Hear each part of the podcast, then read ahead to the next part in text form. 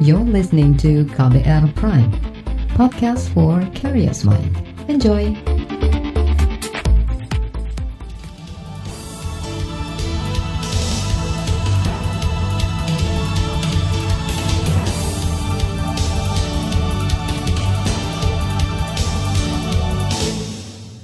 Halo selamat pagi saudara, senang sekali rasanya saya, Reski Mesanto hadir kembali menemani pagi hari Anda melalui program Buletin Pagi edisi hari ini 19 Juni 2020. Pagi hari ini tim redaksi KBR telah menyiapkan sejumlah informasi terkini untuk Anda. Di antaranya, Jawa Timur penyumbang kasus positif COVID-19 tertinggi sepekan. Bank Indonesia kembali turunkan suku bunga acuan dan Jayapura mulai izinkan kegiatan usaha menengah beroperasi kembali. Saudara, kita mulai buletin pagi selengkapnya. Terbaru di buletin pagi. Provinsi Jawa Timur menjadi penyumbang tertinggi kasus baru virus corona harian dalam satu pekan terakhir. Juru bicara pemerintah untuk penanganan COVID-19, Ahmad Yuryanto mengatakan, pada Kamis kemarin kasus baru virus corona di Jawa Timur bertambah 384 orang atau naik lebih dari 100 dibanding sehari sebelumnya. Hasil positif yang kita periksa terkonfirmasi sebanyak 1.331 orang. Sehingga totalnya kasus positif ini menjadi 42.762 orang. Kalau kemudian kita lihat sebarannya, angka tertinggi yang melaporkan kasus positif hari ini adalah Provinsi Jawa Timur dengan penambahan 384 kasus. Juru bicara pemerintah untuk penanganan COVID-19 Ahmad Yuryanto menjelaskan, jumlah total pasien positif COVID-19 di Jawa Timur kini sebanyak 8.900-an orang. Angka itu tertinggi kedua secara nasional di bawah DKI Jakarta yang mencapai 9.340 orang. Gugus Tugas Percepatan Penanganan COVID-19 juga masih menemukan tambahan pasien baru positif COVID-19 yang tinggi. Di antaranya DKI Jakarta sebanyak 170-an kasus, Sulawesi Selatan 166 kasus, Kalimantan Selatan 118 kasus, dan Bali 66 kasus positif baru. Sebelumnya, Gubernur Jawa Timur Kofifa Indar Parawansa menyebut tingginya kasus COVID-19 di provinsi itu sebagian besar disumbang daerah di Surabaya Raya. Kasus positif terpapar virus corona di Surabaya mencapai lebih dari 4.000. Disusul Sidoarjo sekitar seribuan dan Gresik mencapai 400-an. Oleh karena itu, langkah-langkah yang sudah dilakukan dengan sinergitas yang luar biasa, tetap harus kita cari titik yang memungkinkan bisa memberikan efektivitas tertinggi. Gubernur Jawa Timur Kofifa Indar Parawansa menyerahkan sepenuhnya kebijakan pengendalian COVID-19 ke masing-masing kepala daerah. Ia juga mempersilahkan jika daerah-daerah tersebut kembali menerapkan pembatasan sosial berskala besar atau PSBB sebagai langkah pengendalian penularan COVID-19. Saudara, tingginya tambahan kasus positif COVID-19 di Jawa Timur diduga karena masifnya pemeriksaan COVID-19 baik melalui rapid test atau pemeriksaan kesehatan serta pemeriksaan PCR. Ahli epidemi dari Universitas Erlangga Surabaya, Laura Nafila menilai, masifnya kegiatan pemeriksaan tidak diimbangi dengan tingkat kepatuhan masyarakat terhadap protokol kesehatan untuk pencegahan penularan virus. Jadi kalau saya rasa itu bukan karena uh, faktor mudik gitu kan, tetapi faktor yang lain. Apakah kemudian masyarakatnya ini tidak mau menerapkan protokol kesehatan? Mungkin ke arah sana. Karena setelah dievaluasi tiga kali PSBB itu rasa-rasanya khususnya di Surabaya itu tidak ada perbedaan yang signifikan. Tuh, kalau melihat perilaku dari masyarakat Surabaya itu ya, dengan penerapan PSBB ataupun enggak itu masih tidak terlihat secara apa jelas gitu kan. Ahli epidemi dari Universitas Erlangga Surabaya, Laura Nafila Yamani menambahkan, saat ini kondisi di Jawa Timur belum aman dari penularan COVID-19. Angka penularan virus corona di wilayah itu masih di atas angka 1.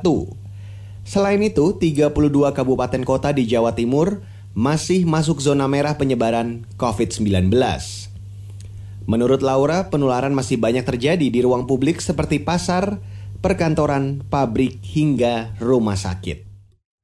Masih terkait wabah COVID-19, Saudara Presiden Joko Widodo menggelar rapat kabinet secara langsung atau tatap muka untuk pertama kalinya di Istana Presiden Jakarta Kamis kemarin. Juru bicara gugus tugas percepatan penanganan COVID-19, Reisa Broto Asmoro menjelaskan, rapat kabinet digelar dengan protokol kesehatan yang sangat ketat. Reisa mengatakan kegiatan itu memberi contoh kepada masyarakat untuk mematuhi protokol kesehatan saat melakukan aktivitas.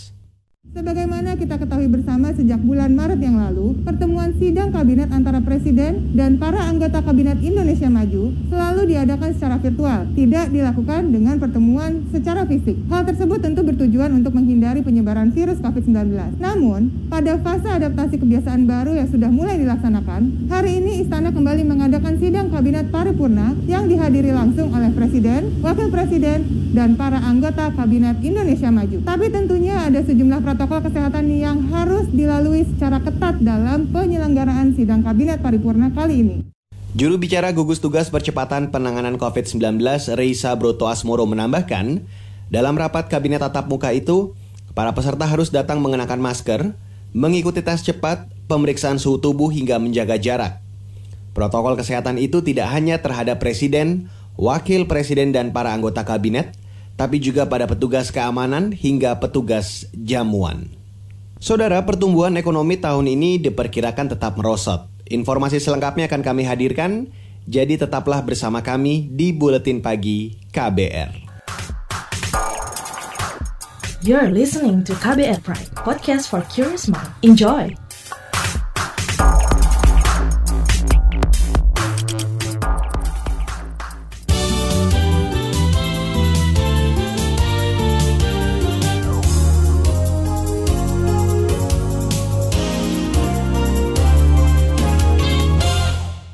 Kita lanjutkan buletin pagi hari ini kita ke informasi ekonomi. Bank Indonesia kembali menurunkan suku bunga acuan atau BI 7 Day Reverse Repo Rate. Suku bunga acuan turun menjadi 4,25 persen. Gubernur Bank Indonesia Peri Warjio mengatakan, kebijakan untuk menurunkan suku bunga acuan tersebut sejalan dengan upaya menjaga stabilitas perekonomian di tengah pandemi COVID-19. Rapat Dewan Gubernur Bank Indonesia pada tanggal 17 dan 18 Juni 2020 memutuskan untuk menurunkan BI 7D reverse repo rate sebesar 25 basis point menjadi 4,25 persen. Gubernur Bank Indonesia Peri Warjio menambahkan, Bank Indonesia konsisten dan berupaya penuh menjaga stabilitas dan mendorong pemulihan ekonomi di tengah pandemi. Peri menegaskan Bank Indonesia tetap membuka peluang dengan adanya ruang penurunan suku bunga di bulan berikutnya. Sekarang saya ajak Anda ke lantai bursa, saudara. Indeks harga saham gabungan atau IHSG kemarin kembali terpuruk dan masuk zona merah. Pada perdagangan Kamis kemarin, indeks dibuka di posisi 4.987. Mengutip data RTI, indeks bergerak naik turun dan sempat menguat ke posisi tertinggi 4.993 sebelum ditutup di posisi 4.925. Indeks anjlok 62 poin atau 1,2 persen dibanding sehari sebelumnya. Indeks juga melemah di sebagian besar bursa Asia dan Eropa kecuali indeks composite Shanghai yang menguat 0,12 persen. Pelemahan juga menimpa mata uang rupiah. Pada perdagangan kemarin nilai tukar rupiah melemah 0,70 persen ke posisi 14.134 rupiah per satu dolar Amerika Serikat. Kita beralih ke informasi lain, Saudara. Kementerian Keuangan terus menekan belanja perjalanan dinas di semua kementerian lembaga tahun anggaran 2021. Wakil Menteri Keuangan Suhasil Nazara mengatakan, pemerintah juga mendorong instansi memanfaatkan rapat jarak jauh atau telekonferensi guna menghemat anggaran dan waktu. Dengan sekarang ternyata yang namanya rapat bisa virtual, video conference bisa menyelesaikan semua uh, meeting yang harus dilakukan, harusnya kan kita kurangin juga anggaran-anggaran yang sifatnya itu yang kita anggap oh kalau gitu dari dari meeting yang nggak perlu potong aja sehingga tahun depan ya kita coba pertahankan efisiensi di perjalanan dinas itu kita tahan. Wakil Menteri Keuangan Suhasil Nazara mengatakan, kondisi pandemi memaksa penduduk dunia menjalani kehidupan yang lebih efektif dengan memanfaatkan platform digital sebagai sarana komunikasi. termasuk rapat pemerintah dan perjalanan dinas yang biasanya membutuhkan anggaran besar. Penghematan bisa dimanfaatkan untuk dialihkan ke kebutuhan lain yang mendesak. Saudara, Lembaga Ombudsman Republik Indonesia meminta ada audit investigasi terhadap lonjakan tagihan listrik PLN yang banyak dikeluhkan pelanggan. Tujuannya untuk mengetahui apakah kenaikan tagihan listrik sesuai penggunaan atau tidak. Permintaan itu disampaikan anggota Ombudsman RI Laude Ida. Ia juga mengusulkan agar pemerintah dan DPR mempertimbangkan untuk memberi kebijakan khusus berupa subsidi tagihan bagi pelanggan tak bersubsidi. Uh, bukan dalam posisi kita untuk mendesakkan sesuatu, tetapi bahwa ini perlu karena ini first major. Nah, ketika uh, tagihan tinggi di pihak uh, di pihak pelanggan termasuk industri uh, karangan pengusaha seperti ini, itu akan berdampak pada produksi mereka atau pada tenaga kerja yang pasti ditekan juga upahnya dan sebagainya, kemudian kesejahteraan masyarakat rendah. Itu tadi anggota Ombudsman RI. Sebelumnya, sebagian masyarakat mengeluhkan lonjakan tagihan listrik pelanggan PLN selama Mei dan Juni 2020. Sementara itu PLN menjelaskan, lonjakan tagihan listrik disebabkan karena penghitungan tagihan listrik menggunakan penghitungan rata-rata dan bukan pemeriksaan langsung. Kebijakan itu diambil karena adanya penerapan pembatasan sosial berskala besar atau PSBB. Saudara, Komisi Pemberantasan Korupsi atau KPK menyebut data penerima bantuan sosial tahun ini simpang siur karena proses pendataan kacau. Deputi Pencegahan di KPK, Pahala Nainggolan, mengatakan sejumlah daerah masih menggunakan data penerima bansos tahun 2015 dan belum diperbaharui. Sedangkan pendataan ulang yang dilakukan pemerintah daerah untuk warga terdampak COVID-19 dilakukan tanpa merujuk aturan. Jangan bikin kriteria yang aneh-aneh. Data kemiskinan itu standar yang namanya orang miskin itu apa? Jangan bilang siapa saja yang terdampak covid mari kita daftar. Waduh itu panjang. Kalau yang kemiskinan yang pemerintah pelihara di data kesejahteraan data terpadu itu baku. Sangat miskin desil pertama itu apa gitu kan? Hampir miskin rentan miskin itu kita bilang di DTKS. Nah ini Pemda karena gagah berani semua kan kami akan berikan bansos itu daftar, didaftar, akhirnya kecewa sebagian besar. Itu tadi Deputi Pencegahan KPK Pahala Nainggolan. KPK telah membuka posko pengaduan bantuan sosial. Hingga minggu lalu KPK menerima lebih dari 300 pengaduan. Setengah dari jumlah pengaduan itu mengaku masuk daftar penerima tapi tidak mendapat bantuan. Daerah dengan laporan terbanyak adalah Provinsi Jawa Timur, Jawa Barat, Sumatera Utara, Sulawesi Tengah, dan Jawa Tengah. Beralih ke informasi selanjutnya, saudara kuasa hukum dari tujuh tahanan politik atau Tapol Papua belum mengambil sikap atas vonis yang dijatuhkan Hakim Pengadilan Negeri Balikpapan. Tujuh tapol tersebut mendapat vonis 11 bulan dan 11 bulan. Kuasa hukum Tapol Papua, Latifa Anum Siregar, mengapresiasi putusan hakim yang lebih rendah dari tuntutan jaksa. Meski begitu, Latifa masih meyakini kliennya tidak bersalah dan patut dibebaskan. Nah kita kan masih punya waktu untuk pikir-pikir. Kami sepakat untuk pikir-pikir. Jadi belum ada ekspos atau publikasi apa pun yang mengatakan kami menerima atau akan banding. Tidak. Kami masih pada posisi seperti hari kemarin. Kami pikir-pikir. Kuasa hukum Tapol Papua Latifanum Siregar menjelaskan, para tahanan sudah menjalani masa kurungan di penjara hampir 9 bulan sejak September tahun lalu. Jika jaksa tak mengajukan banding dan kuasa hukum menerima vonis dari hakim, ketujuh tapol tersebut bisa bebas pada bulan depan. Kuasa hukum masih memiliki waktu tujuh hari hingga selasa pekan depan untuk menentukan sikap. Kita beralih ke berita dari mancanegara. Kejaksaan Jepang menangkap bekas Menteri Kehakiman Katsuyuki Kawai dan istrinya terkait dugaan pembelian suara pada pemilu 2019. Jaksa menyebut suami istri itu mengeluarkan dana 15 ribu dolar Amerika atau sekitar 225 juta rupiah untuk membeli suara agar istrinya terpilih sebagai anggota Majelis Tinggi di Jepang. Katsuyuki merupakan orang dekat Perdana Menteri Jepang Shinzo Abe yang pernah menjadi penasehat kebijakan luar negeri AB. Mengutip Reuters, penangkapan Katsuyuki menjadi pukulan bagi pemerintahan Shinzo Abe yang saat ini popularitasnya di masyarakat rendah. Bahkan sejumlah orang di partai berkuasa LDP sudah mengisyaratkan kemungkinan Shinzo Abe turun dari jabatan kepala pemerintahan lebih cepat dari jadwal. Partai LDP juga mulai mengisyaratkan mencari nama baru untuk menggantikan Shinzo Abe di kursi Perdana Menteri. Saudara, laporan khas KBR tentang dampak ganda pandemi bagi pekerja rumah tangga akan kami hadirkan sesaat lagi, jadi tetaplah bersama kami di Buletin Pagi KBR.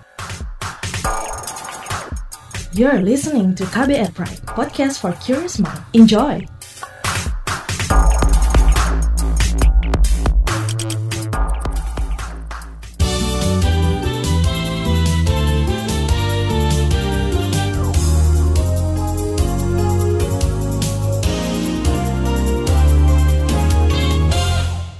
Saudara, nasib pekerja rumah tangga makin terpuruk di tengah pandemi. Banyak dari mereka yang di PHK sepihak dengan alasan darurat wabah.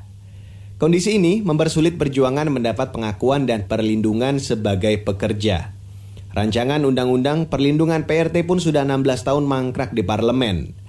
Berikut laporan jurnalis KBR Aninda Putri yang dibacakan Astri Yuwanasari. Sudah hampir tiga bulan, Poni Tiara nelangsa karena menganggur. Pandemi COVID-19 membuatnya kehilangan dua sumber penghasilan sebagai pekerja rumah tangga atau PRT.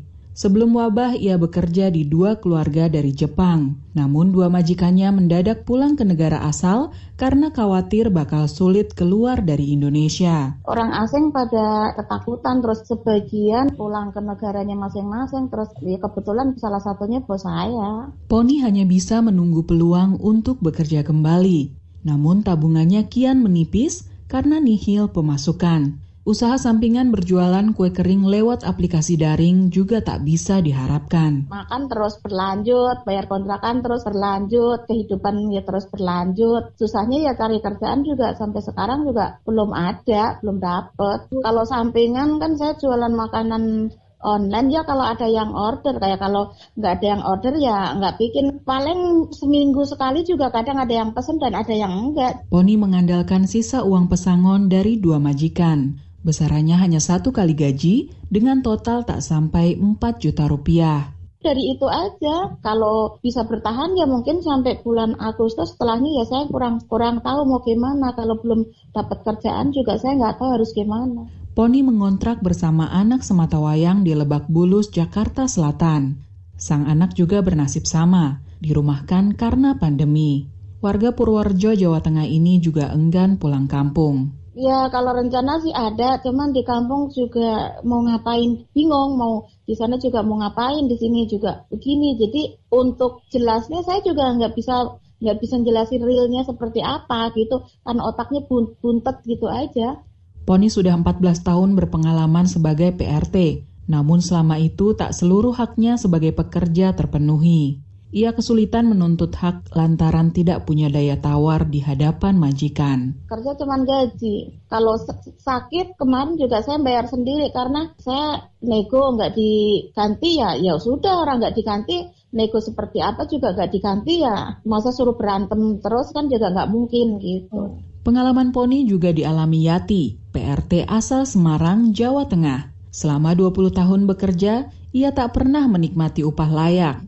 Majikan terakhirnya hanya memberi upah 500 ribu per bulan. Untuk jam sostek juga belum pernah mendapatkan. Apabila saya mendapatkan kecelakaan atau sakit, saya berobat sendiri. Yati ikut menjadi korban pandemi. Ia tak lagi punya penghasilan usai diberhentikan tanpa pesangon. Karena saya ikut majikan dua, yang satu saya di PHK, yang satu saya dirumahkan. THR kemarin saya malah yang satu nggak dapat THR, yang satu hanya cuma separuh gaji. Ibarat sudah jatuh tertimpa tangga, hidup Yati makin sengsara. Suaminya juga menganggur setelah dirumahkan. Ia menopang hidup dengan berdagang kecil-kecilan. Saya di rumah sambil berjualan kalau malam nasi goreng, kalau siang jualan es di rumah untuk mencari penambahan uh, kebutuhan sehari-hari. Di Semarang tak kurang dari 17 PRT yang kini menganggur selama pandemi. Jumlah itu hanya laporan yang masuk melalui Serikat PRT Merdeka. Alasan mereka dirumahkan itu ya macam-macam. Pertama ada yang karena corona, kemudian usaha majikan sepi karena kan majikan tidak ada penghasilan. Kemudian ada juga yang karena majikan di rumah terus pekerjaan itu dikerjakan oleh majikan sendiri. Itu tadi koordinator SPRT Merdeka Nur Hasanah. Menurut Nur, banyak PRT di PHK tanpa mendapat pesangon maupun tunjangan hari raya. Terhimpit situasi pandemi, daya tawar PRT makin lemah saat mencari pekerjaan baru. Ada pun yang menerima tapi ya mereka tidak bisa menawar. Misal gajinya sangat kecil tapi dengan beban kerja yang banyak. Nah teman-teman yang sudah berorganisasi ini jarang mau mengambil hal yang seperti itu. Tapi kalau terpaksa harus diambil ya mereka ambil. Gitu. Bagi PRT yang masih bekerja, biasanya dibebani tugas lebih berat, bahkan ada yang gajinya malah dipangkas. Lagi-lagi situasi pandemi menjadi alasan yang sulit dibantah. Menumpuk-numpuk gitu loh pekerjaannya menyetrika juga menumpuk-numpuk gitu. Jadi majikan pengen efisien dengan harga yang murah. SPRT Merdeka berinisiatif menggalang donasi bagi para PRT yang terdampak Bantuannya mulai dari sembako hingga alat pelindung diri. Karena selama ini ada juga teman-teman PRT yang masih bekerja, itu kan aksesnya pakai bis gitu, mereka tidak diberikan alat pelindung diri dari majikannya, jadi mereka harus membeli sendiri. Hand sanitizer juga harus membeli sendiri. Demikian laporan jurnalis KBR Aninda Putri, saya Astri Yuwanasari. Saudara, informasi dari daerah sesaat lagi akan kami hadirkan, jadi tetaplah bersama kami di Buletin Pagi KBR. You're listening to KBR Pride, podcast for curious mind. Enjoy!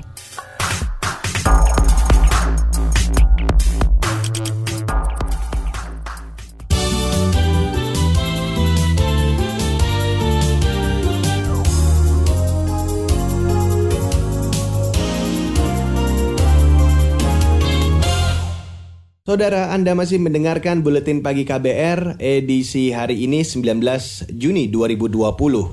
Dan inilah bagian akhir Buletin Pagi KBR. Kita ke Papua, Saudara. Pemerintah Kota Jayapura mengizinkan pelaku usaha menengah di wilayah itu kembali membuka usahanya.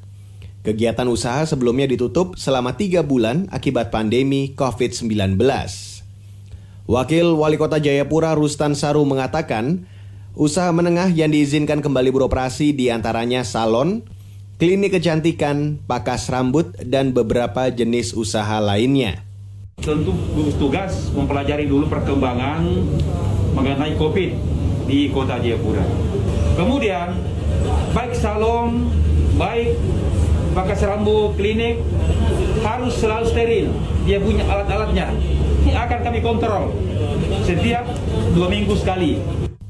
Wakil Wali Kota Jayapura Rustan Saru menambahkan, jam operasional tempat usaha dibatasi mulai pukul 6 pagi hingga pukul 5 sore waktu setempat.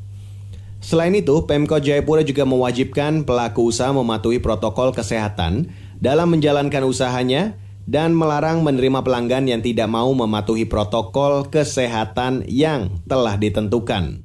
Informasi terakhir di buletin pagi hari ini kita ke Kalimantan Timur.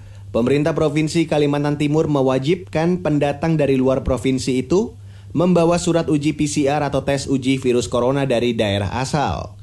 Kewajiban itu tertuang dalam surat edaran yang dikeluarkan Pemprov Kaltim. Wali Kota Balikpapan Rizal Effendi menegaskan, jika ada pendatang tak membawa surat telah uji PCR, maka mereka wajib melakukan uji swab PCR dengan biaya sendiri. Jika menolak, maka akan dipulangkan. Sekarang ada surat edaran gubernur juga meminta agar dilakukan PCR dari luar gitu kan? Kan sebagian ini kan dari luar kan ini ya kan? Saya kira surat gubernur sudah memperkuat kita karena tidak lagi rapid tapi PCR ya, itu. Nah cuma kan memang kita minta harusnya PCR-nya jangan di sini langsung di dari daerah asalnya supaya diketahui di sana jangan di sini gitu. Wali Kota Balikpapan Rizal Effendi menambahkan Adanya surat edaran itu, maka semua jalur laut, udara, maupun darat diperketat, di mana pendatang tidak boleh masuk jika tidak membawa surat telah di PCR. Rizal juga menyarankan pendatang melakukan PCR di daerah asal agar bisa diantisipasi jika hasil PCR dinyatakan positif COVID-19 dan tidak memberatkan daerah tujuan. Saudara, informasi tadi menutup jumpa kita pagi hari ini di Buletin Pagi edisi 19 Juni 2020. Anda juga bisa memantau informasi terbaru melalui kabar baru setiap jamnya, melalui website kbr.id, Twitter kami at berita KBR, serta jangan lupa untuk selalu mendengarkan podcast kami di kbrprime.id. Akhirnya saya, Reski Mesanto, saya pamit, salam.